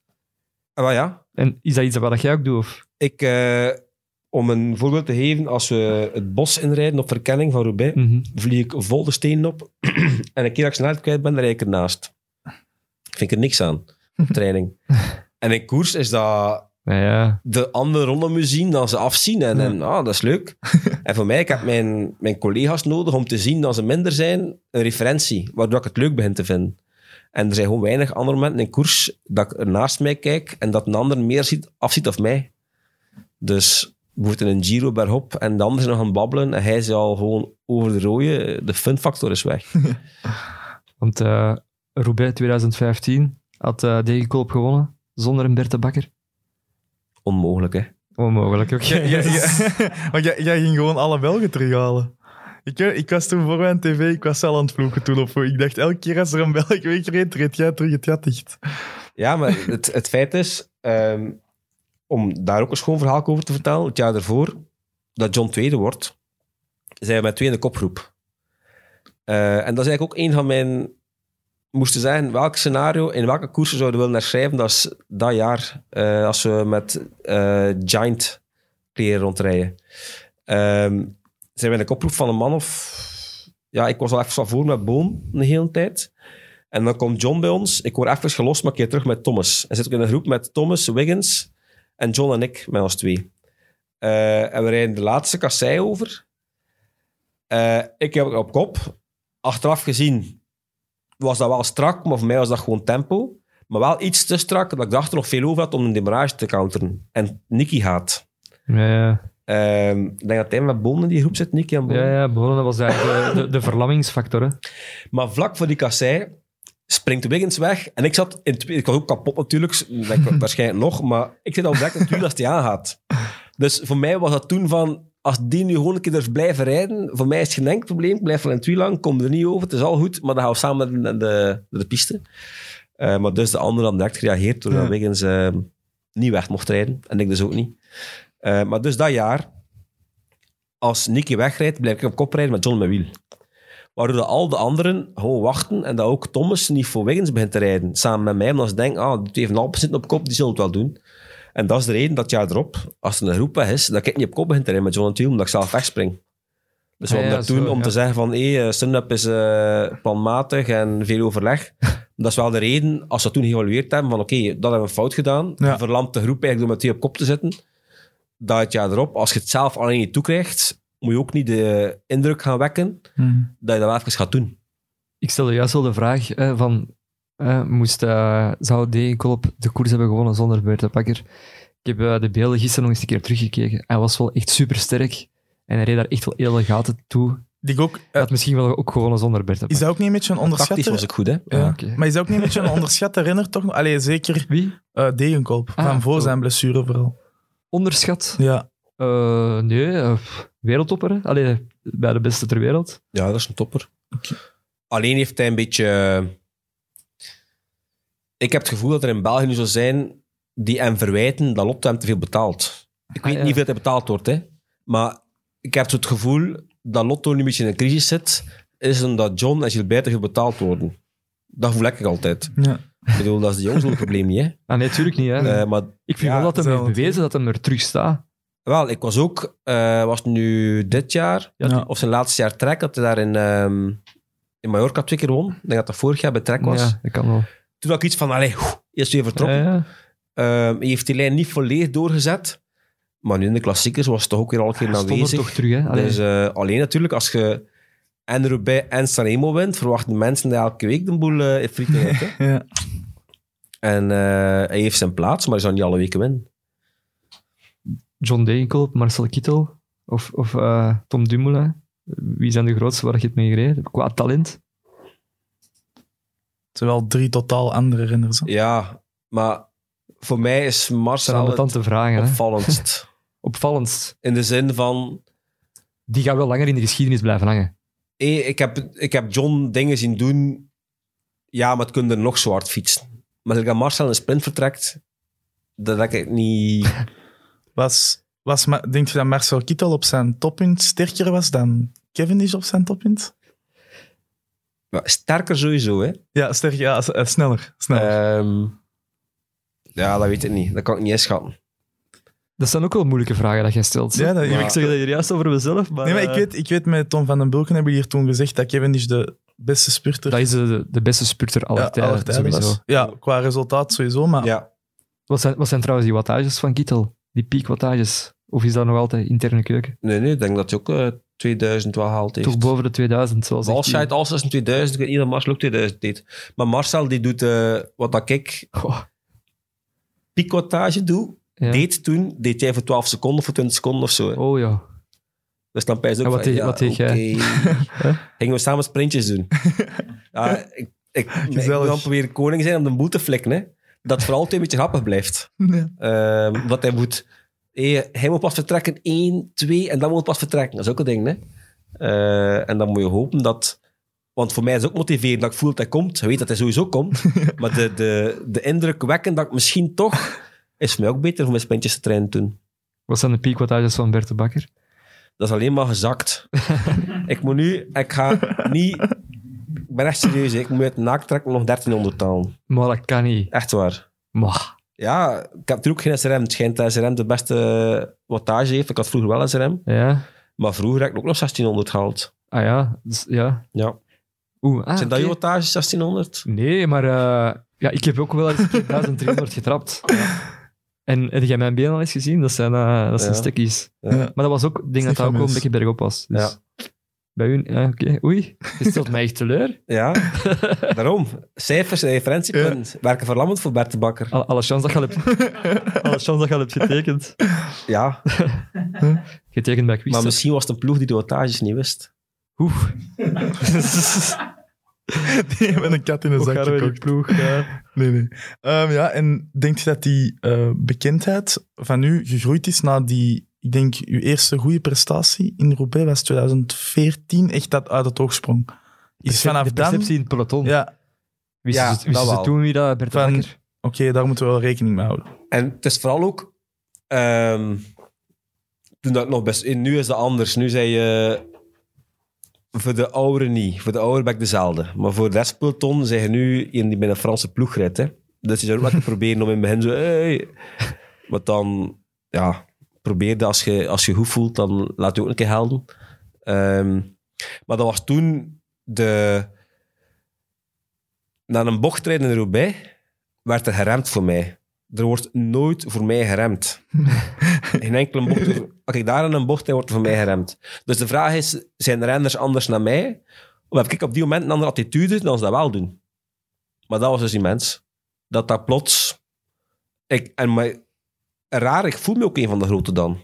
Ik ga nu wel zeggen, dat is pas na dat jaar eh, dat John daar tweede wordt, dat ik toen echt geloof van ja, dat is echt geen toeval dat ik zo ver kom. Ervoor ook nooit geloofd dat ik dat... Of dat niet gepijst dat dat kon. En, en groeit dat geloof ook omdat eh, journalisten u ook meer beginnen te bellen als, als de klassiekers eraan Nee. komen? Want dat zal ook wel geweest zijn. Want in het begin was het alle keren was het een beetje angst. Hè, van, shit, ik heb het nu al één keer goed gedaan. Moet nu wel tonen dat ik het een tweede keer goed kan doen ook. En dan de tweede keer, ja, ik moet tonen dat ik het een derde keer goed kan doen. Altijd die bevestiging. Op Ja. ja. Eh, en nu heb ik gewoon het vertrouwen van, ja, blijkbaar kan ik in die koers iets meer dan, dan iets anders. En voor mij het, het, het meest leuke is met mijn trainingsmaten te respect tonen. Omdat, ehm, ja, de, de, laat ons zeggen, als we gaan trainen met de maten en de lost in is dikwijls eh, ik. Eh, of ben ik het dikwijls. Die Je bent je land verkopen eigenlijk. ja, hè? ja. dat ik dus meer kan in koersen op training. Omdat ik in- op training, voor mij, dat mag, dat een keer hard en een keer diep gaan, maar dat mag ook een keer stoppen. Dat mag ook gewoon gezellig zijn. Ja. Eh, dat, is de leeftijd, dat is de leeftijd. Nee, dat is ook de ingesteldheid, denk ik. Eh, ik zie graag af, maar het moet ook gewoon leuk zijn. Ja, bij een spreken, dat was nu, ik weet niet het was, was het in september al een met de Gentse man op pad ging. Ze hadden weer een paar kleine doorsnokken en doen. En ik vond het leuk, maar het stopte zo niet. En toen waren er ook verschillende, like onder andere Diem, die lang niet meer gezien. En ik wou gewoon met de jongens een keer bijpraten van, ja, wij gaan niet op café, ik heb ook die behoefte niet, maar ik heb wel de behoefte om sociaal te zijn met, met mijn maten. Een keer bij te praten, hoe is dus met de gasten, hey, een huis gekocht is met dat huis, hoe is dat verlopen? Maar op zo'n trein dat er heel nacht knalt wordt, is daar gewoon geen tijd voor. dan heb je van die jonge topsportboykes dat meerijden en dan op elke bocht. Ja, maar de jongste gasten, die, die volgen dan, dan de haantjes doen, hè. Eh, Die wil zich tonen. Maar die gaan dat zelf meestal niet overtreffen. Mee. In het begin gaan ze gewoon, als een dien gaat, gaan ze meegaan. Eh, en we hebben wel goed genoeg gasten, dan ze normaal niet overgaan ook niet. Ehm, maar dat is voor mij, het sociale aspect is even belangrijk, of, of, of, eh, elkaar uit de naak rijden. Wat je dan van u horen? Van, hé hey, man, zeg. Maar dan is het dikwijls dat ik afdraai. ja, Oei. ik- maar het is laatst ik had echt een reden ook dat ik afgedraaid ben. Eh, maar anderzijds, het eh, uit mijn comfortzone getrokken worden, heeft me wel ook dingen uh, heeft me Ah, sterker gemaakt. Ja. Ja. Dus het is, het is geven en nemen. Ik ben, ben blij dat het zo is. Want het is maar één keer per week en je kiest zelf, ga mee of niet. Mhm. Maar dan nu en dan denk ik, als, ik niet weet wanneer de inspanning stopt, dan denk ik wel zo, verdomme, gaat er een keer stoppen. eh. En wo- word je graag uit die comfortzone getrokken? Ehm, op het moment zelf heb ik er soms moeilijk mee, omdat ik ook wel een dominant iemand ben, die wel graag controle heeft op hetgeen dat er gebeurt. Maar ik ben er achteraf wel heel blij mee. Ja.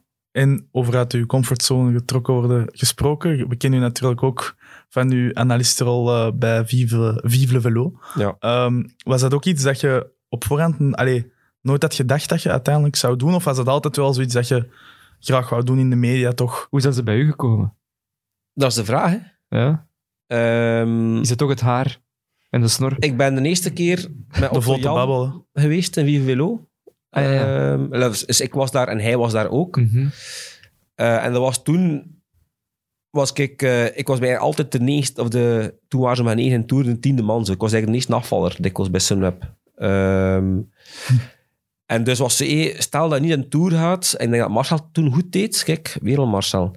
Ehm, en ik denk dat ik toen als gast in Vive Velo was, omdat ik link had met Marcel, die het waarschijnlijk goed ging doen in een Tour, en dat ik er dichtbij stond, dus dat ik daar iets over te Mhm. vertellen had. En ik weet niet dat ik naar een, ben in de Vogezen geweest, dus was ik geen sprintetappe. Dat weet ik zelf niet meer. Eh, maar ik denk dat dat de link was. Dat ik bij Sunweb Ja, zat, zo bij die gekomen. dominant Ja. was in de Tour. Ehm, en dan waarschijnlijk is dat meegevallen, omdat ik dan het jaar erop of twee jaar nog een keer teruggegaan ben.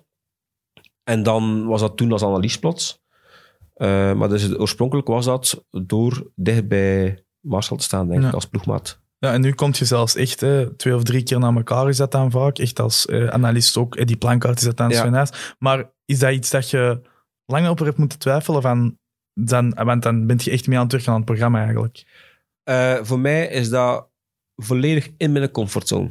Oké. Dus ehm, in die mate dat ik soms iets te veel op mijn gemak ben. Dat mijn vrouw soms zegt, allee, zijn nu niet zenuwachtig? Of, hé, wat ga je aan doen morgen? Ja, pff, ik weet het niet. eh, een t-shirt van het ploeg, is dat gestreken? Eh, ik weet het niet. Dus het gebeurt nog dat mijn vrouw dan nu van de, van de jaar zit te vijven. Ja, ik zou het nou gelijk toch zelf doen. Hè, dat ze die strijkplank bovenal voor een polo te strijken of zo. Ja. Ehm, dus ja, ik vind dat fantastisch leuk. Ehm, dat gaat voor mij heel veel vanzelf. En dat is... In koersen heb ik niet altijd flow, niet meer, omdat ik soms te veel nadenk. Roubaix heb ik dat bijna altijd, dat alles vanzelf gaat, dat ik niet moet nadenken. Eh, en in de programma's ook. Dat ik daar zit en dat dat Ja. uur voorbij gevlogen is zonder dat ik het eh, beseft heb. Zit je ook altijd mee in die re- redactievergaderingen? Nee, Of, eh, nee. Dus gewoon... eigenlijk, het van, het- in het, als nog een tour, dus nu van het jaar was het in België allemaal. Dus eigenlijk eh, bleef ik thuis, deed ik mijn training, probeer ik 's middags wel koers te kijken als het kon. En na de koers vertrok ik. Ehm, daar ter plaatse kon ik nog iets eten. Ze hebben altijd uh, Ulder Kok mee die fantastisch lekker eten maakt. En daar was het programma in. Ehm, Probeer wel soms een keer te gaan luisteren van welke fragmenten ga je me iets over vragen of dat je wel een beetje voorbereid bent. Eh, meestal is dat niet nodig, maar het is toch eh, verstandig om het te doen. Ook om jezelf scherp te houden daarin. Mhm. Ehm, Maar gelijk dat je daar juist ook zei, podcast luisteren. Om Ja. je voor te bereiden. ja, voilà, voilà. Dus, wat eh, inzichten. En, eh, ja. Maar moest dat later kunnen doen, dan, dan, dan graag. Maar ik denk niet dat dat een fulltime bestaan is. Maar misschien moet ik met Thomas eh, zo net gaan babbelen wat zijn eh, idee is. Ja, want er is, er is ook wel wat concurrentie. Hè? De Bakkie, Bakelands. Ja. En, en, eh, Ja, concurrentie, maar ik denk dat het ook een ander profiel is. Hè. ja, ja, tuurlijk. ja. Eh, Ik denk niet, eh, als ze mij daar 20 dagen gaan steken, gaat de mensen ook vervelen. en met Bakeland zal dat zeker ook wel zo Ja. zijn. Maar die combinatie doet je dan wel graag op dit moment tussen Ja. zelf nog actief prof zijn Ja. en dan ook wel Ja. als Zijn analist. er daar al over aangesproken geweest in het peloton? Dat je zo... Over uitspraken of zo, Ja, inderdaad. zo dat van, is wel hey, leuk. zeg, eh, Bert, wat je hier vorige week zei in de studio. Ehm, ik ben erover aangesproken, denk ik, maar ik herinner me geen eh, grote feiten. Maar het feit is ook, ik, ik vergeet snel. Ja, oké. Dus dat is zowel positief als negatief. Dus En je bent ook Ja. niet een schenenschopper, hè? Dus, ik eh, probeer gematigd te zijn. Hè. In het begin dat ik wel zo, dat is een reactie op Twitter, dat is zo spijs van, oh, oei, eh één, dien, eh, ja, er zijn heel veel mensen met mening en er zijn heel Ja, veel mensen die denken daarvoor moet het niet laten. Hè? dan die mening moeten geven. Ja. Eh, en ik probeer gewoon vooral mijn eigen te zijn. En dat weet ik ook. ehm, dat ik mijn eigen niet kan tegenspreken, dat ik ook geen, eh, geen domme dingen... Ja, voor andere mensen veel domme dingen, maar voor mezelf... eh, als ik mezelf in de spiegel kan kijken, ben ik, ben ik tevreden. Oké. Ja. Maar ja, je gaat altijd voor- en tegenstanders hebben. Hè. Wat is dat? Ja. Dus oké. Eh, maar dus, in de toekomst gaan we je dan nog wel meer op tv zien. Ja, dat weet ik niet. Ik hoop dat ik later een job heb waarbij dat ik dezelfde ambitie en passie kan hebben zoals ik nu heb. Ehm, en dat ik ook elke dag een uur tijd heb voor mijn lichaam. Ah. Ehm, want ik denk dat het niet te onderschatten is. Een uur tijd voor je lichaam is ook een uur tijd voor jezelf, denk ik. En wij hebben heel veel tijd voor onszelf als we aan het fietsen zijn om na te denken, Mm. om over te reflecteren over alles. En dat je dan voelt dat je in een job stapt die elke dag hetzelfde is, dat daar voorbij het zwarte gat zou kunnen zijn. Ja. Eh, geen tijd voor mezelf om dingen na te denken, te verwerken. Want je hebt ook wel, je hebt wel een, een trainersdiploma. Ja. Eh, Ja, En zijn er de ploegleiderambities of, of zoiets?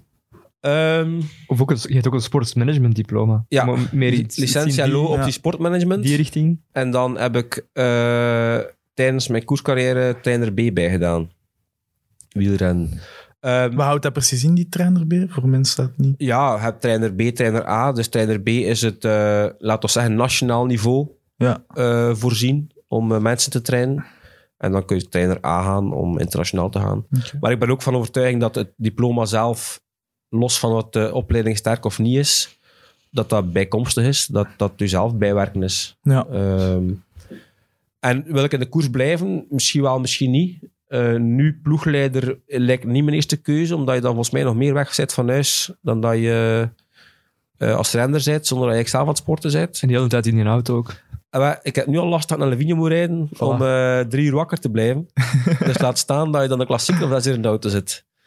Ehm, maar moest ook met, met, met renners kunnen werken. Bijvoorbeeld performance coach hoorde ik ook van Mark Hermans. Eh, die kon dat worden bij, was dat toen Stun-Up of zo? Dat is al lang geleden. En dat was de eerste Ja, keer... de crossploeg, hè? Ja, ja, ja. dat was de eerste keer dat ik zoiets zag, dat ik dacht, dat zie ik me nog doen. Dat is, ehm, Ah, ja. ik ben ook, vind ik zelf, van alles meer dan gemiddeld op de hoogte.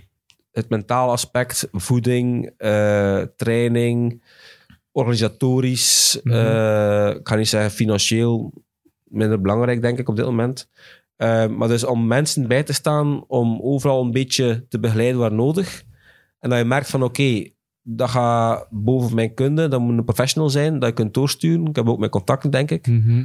Dat was dus de eerste keer dat ik dacht, maar als er een job ziek was het. ja. Dus jij weet. misschien echt wel de gekniepte persoon, want eigenlijk, je hebt de vorige aflevering ook beluisterd met Jonas eh Ricard. Ja. je weet dat misschien niet, maar eh, ja, ik wil volgend jaar mij smijten in de Liewewerskoersen. En ik vraag aan elke weer. coureur dat hier komt eh, een tip. Dus ik heb eigenlijk van Dibi een tip, Ja, gek- ik heb dat gehoord daar. Dibi een tip gekregen. Ja, uw bochten goed pakken. Ja, dat is, dat is, dat is vanzelfsprekend. Jelle Wallace, die vertelde mij veel rusten. Dat Ja. heb ik nu toch ook al gedaan. Dus, maar dat zijn saaie tips.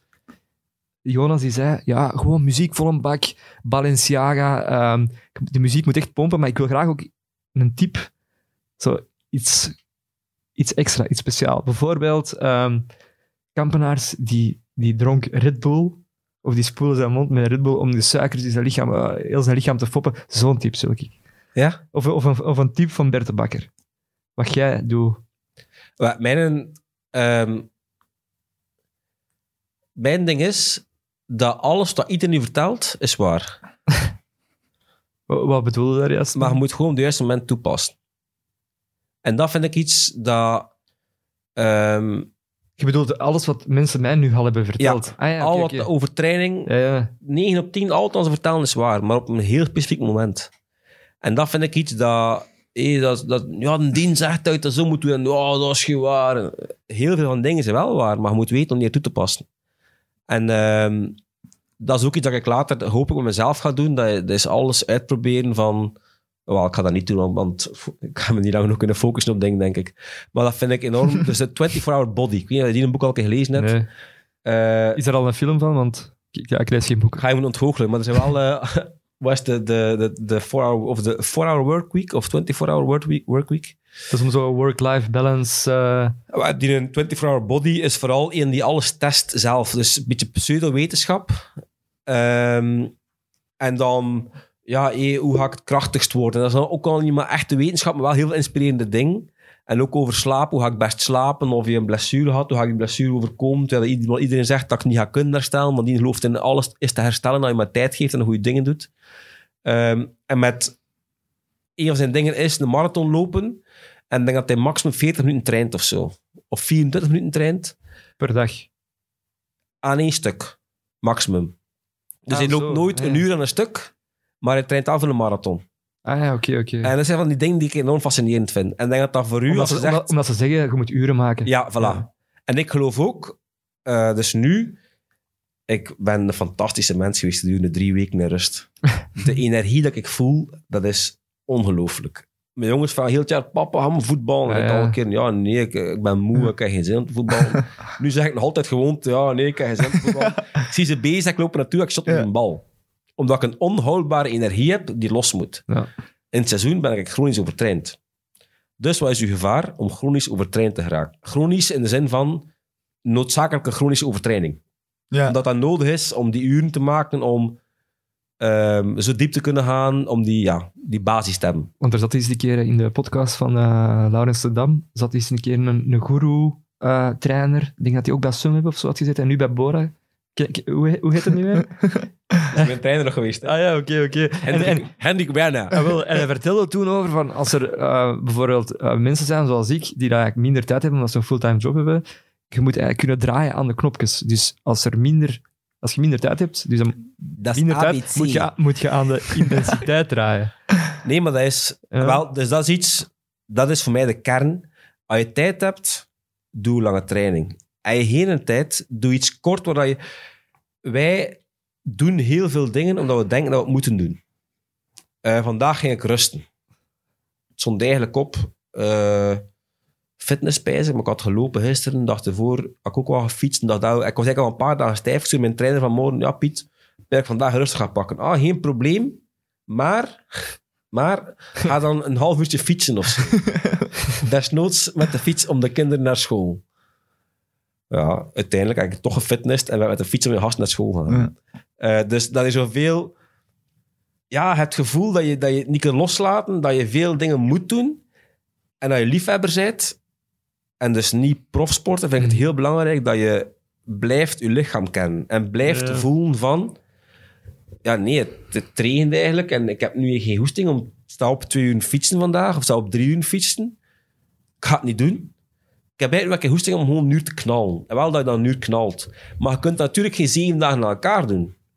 Maar wel, als je nu al weet van oké, ik heb nog zeven dagen, ge- de voorbije zeven dagen nooit een uur aan blok gereden, dan sta je geen enkel trainingsschema een uur aan blok. Maar dat kan geen kwaad dat dat tien dagen doet. Ja, maar dat is eigenlijk super jammer, want ik heb ook bij mij mensen in, in mijn fietsgroep.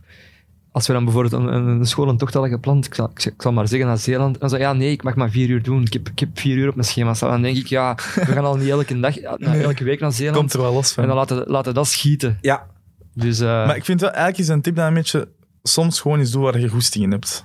En loskomen van Ehm, het schema. ik ga niet zeggen bijna altijd, maar eh, is dat misschien ook 80-20 regel? Heel veel dingen zijn 80-20, hè? Misschien kun je daar ook 80-20 regel aan toepassen. Ja. Dat je 2%, Dus de tach- de 80% een beetje doet dat je zelf zin hebt. En als dat dan, even bij spreken, hebt de hele week dat je zelf denkt van, ah, je komt naar je schema toe, probeer dan wel de twee weken daarna weer dat ritme te vinden en dat schema wel te volgen. Want uiteindelijk kun je wel eens zorgen dat je geen basis hebt of kun je ja, eh, te tam getraind zijn dat je alleen maar basis in plaats van intensiteit gedaan hebt. Ehm, ik heb hier toch wel een paar tips. eh, ja, Maar ja, het zou, dat is wat meer dan die slappe Dat van die een andere gasten. Hè? ja inderdaad. Ja, Ja, Het, het zou misschien de doorbraak kunnen zijn van Bert de Bakker als performance manager als ik eh Ja. Natuurlijk, voor, voorjaar een koers win. ja, en natuurlijk, er luisteren ook wel veel andere liefhebbers die gaan die tips misschien ook gebruiken. En dan, Goh, ja. Als die mannen wat langer bezig zitten, is het jammer in de autistische vakje te doen wat ze moeten doen. Ja. Ja. En ik zit hier op maandag met een blikker. Ja. Volledig ontspannen. Ja. Dus eh, perfect. Ehm, ja, je zei het er straks al, je, bent, je hebt echt over veel dingen een uitgesproken mening. Eh, ik weet niet of dat je het eh opiniestukje van Renaat Schotten hebt gelezen over de beslissing van de UCI eh, met de situatie van Dylan Groenewegen, de straf die is uitgesproken. Gaan we moeten eh, updaten, denk Oké. ik. Dus Renaat is eigenlijk, was eigenlijk heel duidelijk daarin. Hij zei ja, hij vond de, de straf op zich negen maanden. Uiteindelijk moest, hij- moest hij maar een voorjaar, wat op zich nog meevalt. Ehm, maar hij vindt dat de UCI mee verantwoordelijkheid had moeten pakken. Want uiteindelijk heeft de UCI nu gewoon... Die zit ook mee in het beslissingsproces. Ehm, en de UCI heeft nu gewoon helemaal de verantwoordelijkheid op Dylan Groenewegen eh, geschoven. Terwijl natuurlijk met de plaats van die dranghekken, daar wordt ook zij zijn een dalende lijn die spuurt. Ja. Wa- Wat is uw mening erover? Moet, moet de UCI daar zeker ook naar de toekomst toe meer verantwoordelijkheid in gaan pakken en ook in eigen boezem durven kijken? Ehm, het is sowieso een heel delicaat iets. Hè. Eh, moet de UCI, of ja, eh ontdoet de UCI zich van verantwoordelijkheid door die schorsing te geven? Dat weet ik niet. Ehm, maar ik vind wel dat ze nu een pak strenger geworden zijn. Hé, het is toch al te vaak geweest dat, dat er niemand disqualificeerd wordt, dat er verschillen zijn. Ja, Maar vind Vind- je dat slinger vind- is door, doorge... Toch ook niet? alblieft. Het is toch niet dat, het- dat ze te streng zijn geworden? Ik heb ook al links en Ik rechts vind het kunnen nu dan, dan ze Ik- doen. ik vind ook, het ja. kunnen. eh, ja. Want, Het is niet omdat ze niet vallen dat het voilà, is. eh, Ja. ik ga dat blijven zeggen. Ik heb het al tien keer gezegd. Sommige renners vergeten dat je kunt sterven als je valt. Ehm, en dat is de kern. Hè. Mhm. En de- het straffen is dat... ehm, ik denk het merendeel van mijn collega's is niet klaar om de strenge lijn te hanteren. Dus wat moeten, wat moeten we gaan zeggen dat UCI niet streng genoeg is op een bepaald moment en UCI neemt geen verantwoordelijkheid als het draagvlak binnen de, het peloton zelf niet, niet groot genoeg is. De coureurs moeten meer op de barricade gaan staan.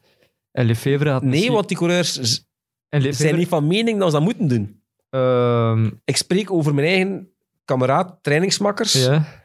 dat wij aan het trainen waren en die zeiden, ja, we moeten niet disqualificeren. Ik, Ah, ik spreek niet over dat geval, hè, maar over nieuwe gevallen. Ja, ja, ja. Dat ik toen Zoals dacht het geval, geval Bennett in de Vuelta. Ja, ik weet niet dat dat specifiek was, maar ik ben al sinds over laatst nog geschrokken dat ik dacht, alleen zelf mijn eigen collega's vinden dat nu niet nodig, maar het is toch de moment nu, en ja, d- nu is het eh, een opportuniteit om een strenge lijn te trekken. Ja, maar dat gaat er niet veranderen. Maar ik zei, ja, niet op één jaar. Ja, maar ja, denkt hij dan ze plots gaan beginnen remmen doordat je Bennett disqualificeert bij een half manoeuvre? Ik zeg niet nu, maar tegen dat ik eruit ben en tegen dat die andere gasten een beetje ouder zijn en Ja. op, op een jaar of drie, vier kun je al iets veranderen, denk ik, als je dat doet. Een, een carrière, het zijn voor laatst iemand, een profcarrière duurt voor hoeveel procent? Maar tien jaar? Of duurt geen tien jaar. Dus ja, op vier jaar tijd heb je wel meer of een helft van, van eh, het peloton mee, denk ik. Ja.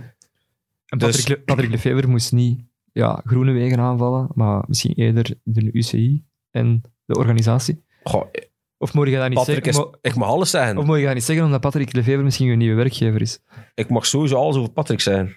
Ehm, Hoe gepast. Patrick is in zijn rol, hè. Uitgestreken gezicht. Ik bedoel, hij is altijd extreem in zijn meningen. En als we iets kunnen zeggen, is dat hij voor zijn renners opkomt. Hè? Ja. Dus je is daar ook niet onpartijdig eh, in die eh, kwestie. Nee, inderdaad, ja. Ik bedoel, is jij de peper en zout van menige wielertak, hè? Ja, van, van, van Valsplatten. Voilà. van eh menige wielerpodcast. Ja. Nee, ik wou gewoon even... Trouwens, eh, over peper en zout gesproken, als ik hier toe kwam, rook het immens naar pizza. Hier? Buiten, Ah, op de parking. Oké. Dus ik had een grote verwachting. Dus, dus jij, wil, jij ik iets afronden. Nee, want gelukkig, als ik hier voor de deur stond, rook het naar bleekwater. En dat was natuurlijk goed tegen honger. Ah, ja. Dus dat was wel nog even Maar wie reddend. weet, eh, misschien wel zoiets een verrassing voorzien. Ja, we zijn, we zijn nog niet thuis. Hij is hier, hij is hier een Frank Gal aan het krijgen. Nu, het valt mee. Ehm, hetgeen waar ik het ook zeker nog even wil over hebben. ehm, een heel pakkend boek, eh, De Val. Ehm Jappe, jij hebt het helemaal gelezen? Ja, ik heb het gelezen, hè, een paar jaar geleden. eh, samen met hè, De Renner van Tim Krabbe. Het beste wielerboek, denk ik dan. Niet?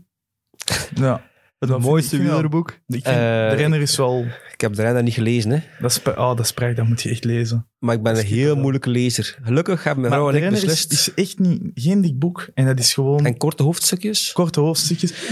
Ik ben de lezer die begint te lezen en die dan vooruitkijkt. Waar stopt het hoofdstuk? Ah, Oké. En vroeger, van mijn moeder, moest ik altijd tien bladzijden lezen. Ik heb nog altijd eigen getallen in mijn hoofd.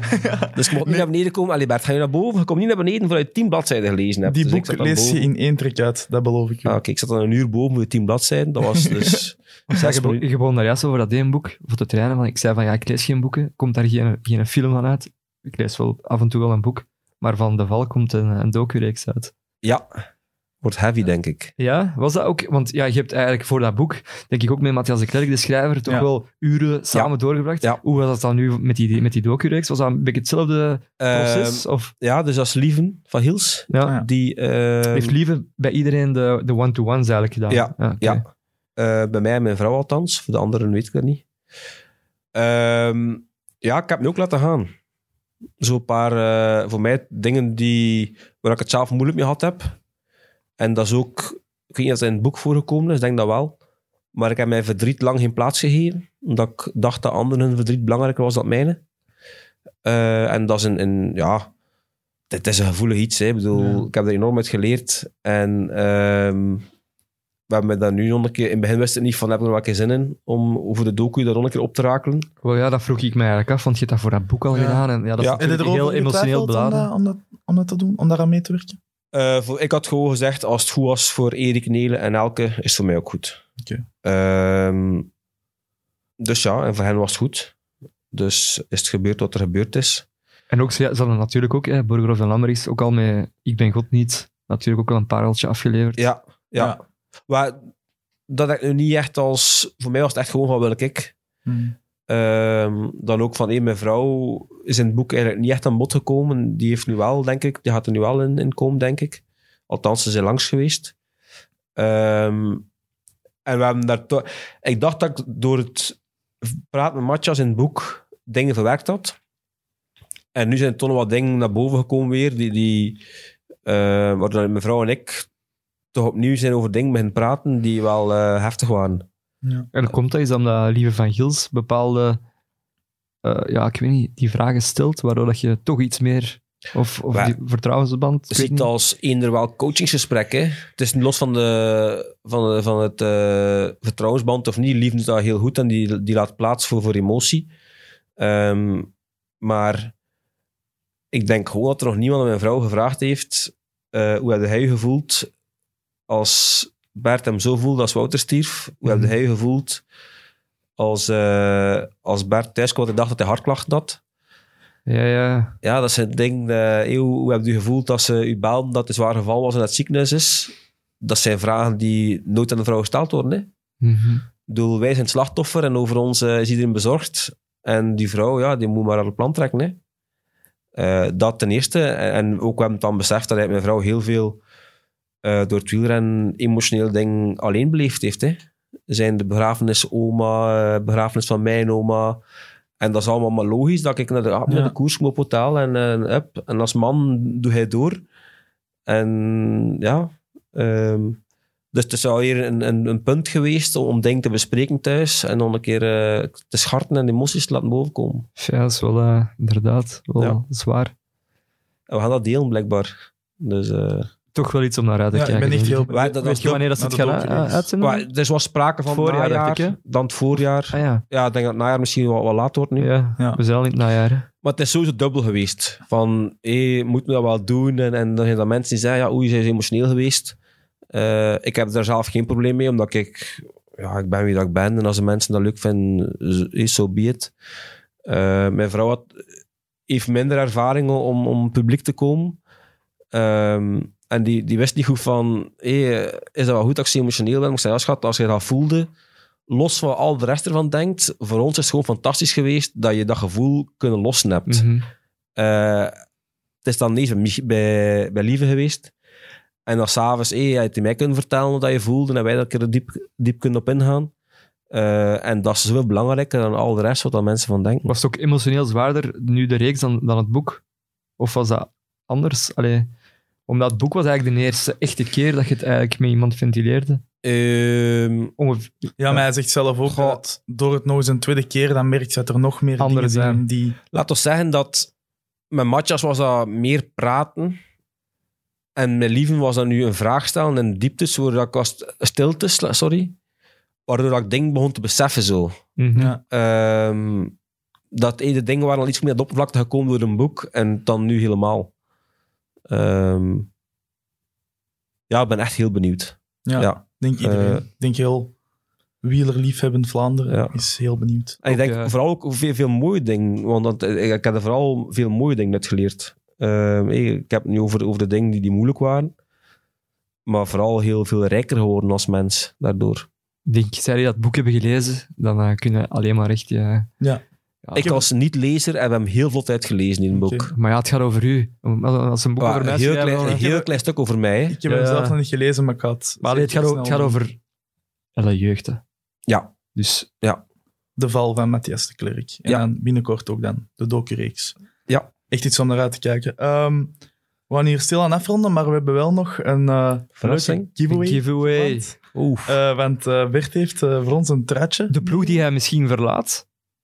Misschien hangt er... eh, de, Ja. de volgende keer dat we hem uitnodigen, zo- zo'n blauw shirt van Quickstep.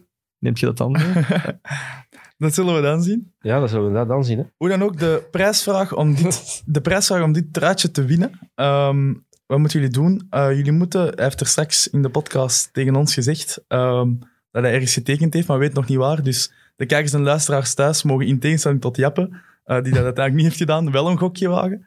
Ehm, en de, de wedstrijd loopt tot volgende week maandag. En eh die het juist heeft, maakt kans om het te winnen. En eh, Jappe, Bert gaat het truitje ook nog tekenen. Ja, eh, hij heeft al getekend, maar hij gaat nu ook nog eens een keer eh live. Is, het- is het probleem als ik dan morgen al repost dat ik ergens getekend heb? Ehm, ja, dan, dan stopt de wedstrijd natuurlijk. Hè. Dus het kan, het kan morgen ineens toch... Allee, Morgen kan de Ik repost denk al dat, komen. dat, ik denk dat morgen al kan reposten. Dus misschien mogen we even flexibel zijn en een nieuwe Ja. vraag. je bent wel een teaser eigenlijk. Hè? Ja, oké. eh, dan pakken we toch de vorige prijsvraag. We hebben, eh, Direct de. Ja, direct eh. Nee, ehm, uw eerste koers dat je terug gaat rijden, eh, mogen ze gokken waar dat je jezelf gaat plaatsen. Welke plaats dat je dan eh, gaat rijden. Wat denk je zelf? De, mijn uitslag gaan rijden? Ja. Of, ah ja, oké. Dat is zo, weet je, like vroeger dan ze zo wedden van ik ga voor de dien zijn en dan er naar reden als ze voor de dien waren. Hè. Ehm, de vijfde. Goh, vijfde in de omloop. Wire- Wirekoers wirekoers in het Midden-Oosten. Met 15 man Ja. weg, ik mee. Als het juist is, sturen we het truitje terug. Ik wil wel zeggen dat ik verwacht dat een ploeg is die in het Midden-Oosten gaat voor de koers. Ja, ik denk dat Gille met BNB daar wel hebt gekoerst, hè? Dit jaar. Niet? Dit jaar hebben wij Saudi gereden. Ja. Ja. Ik was al aan het denken van misschien dan toch World Tour, maar ja... Het... Ik ben al de hele tijd... Ik ben, sinds dat je hebt verteld... Dat niet je- stil, hè? Ja, het is echt... eh, inderdaad. Maar echt zo teasen, dus aan morgen misschien. Ja. Voilà. Maar dat is voor morgen. Eh, Bert, bedankt om eh, tijd vrij te maken en naar de studio te komen. Tijd zat deze periode, dus Ja, fantastisch graag Het was, eh, het was heel gezellig. Ehm, goed, dan gaan we nu echt afronden. Ehm, ik ga nog een beetje reclame maken wel. Voor eh, wat andere podcasts van Friends of Sports. Eh, donderdag komt er weer een Meet Meet Kick en Rush aan. Premier League podcast met eh, Leroy en Jelle. Voor de Meet Meet van deze week met Sam en Evert is het nog even wachten.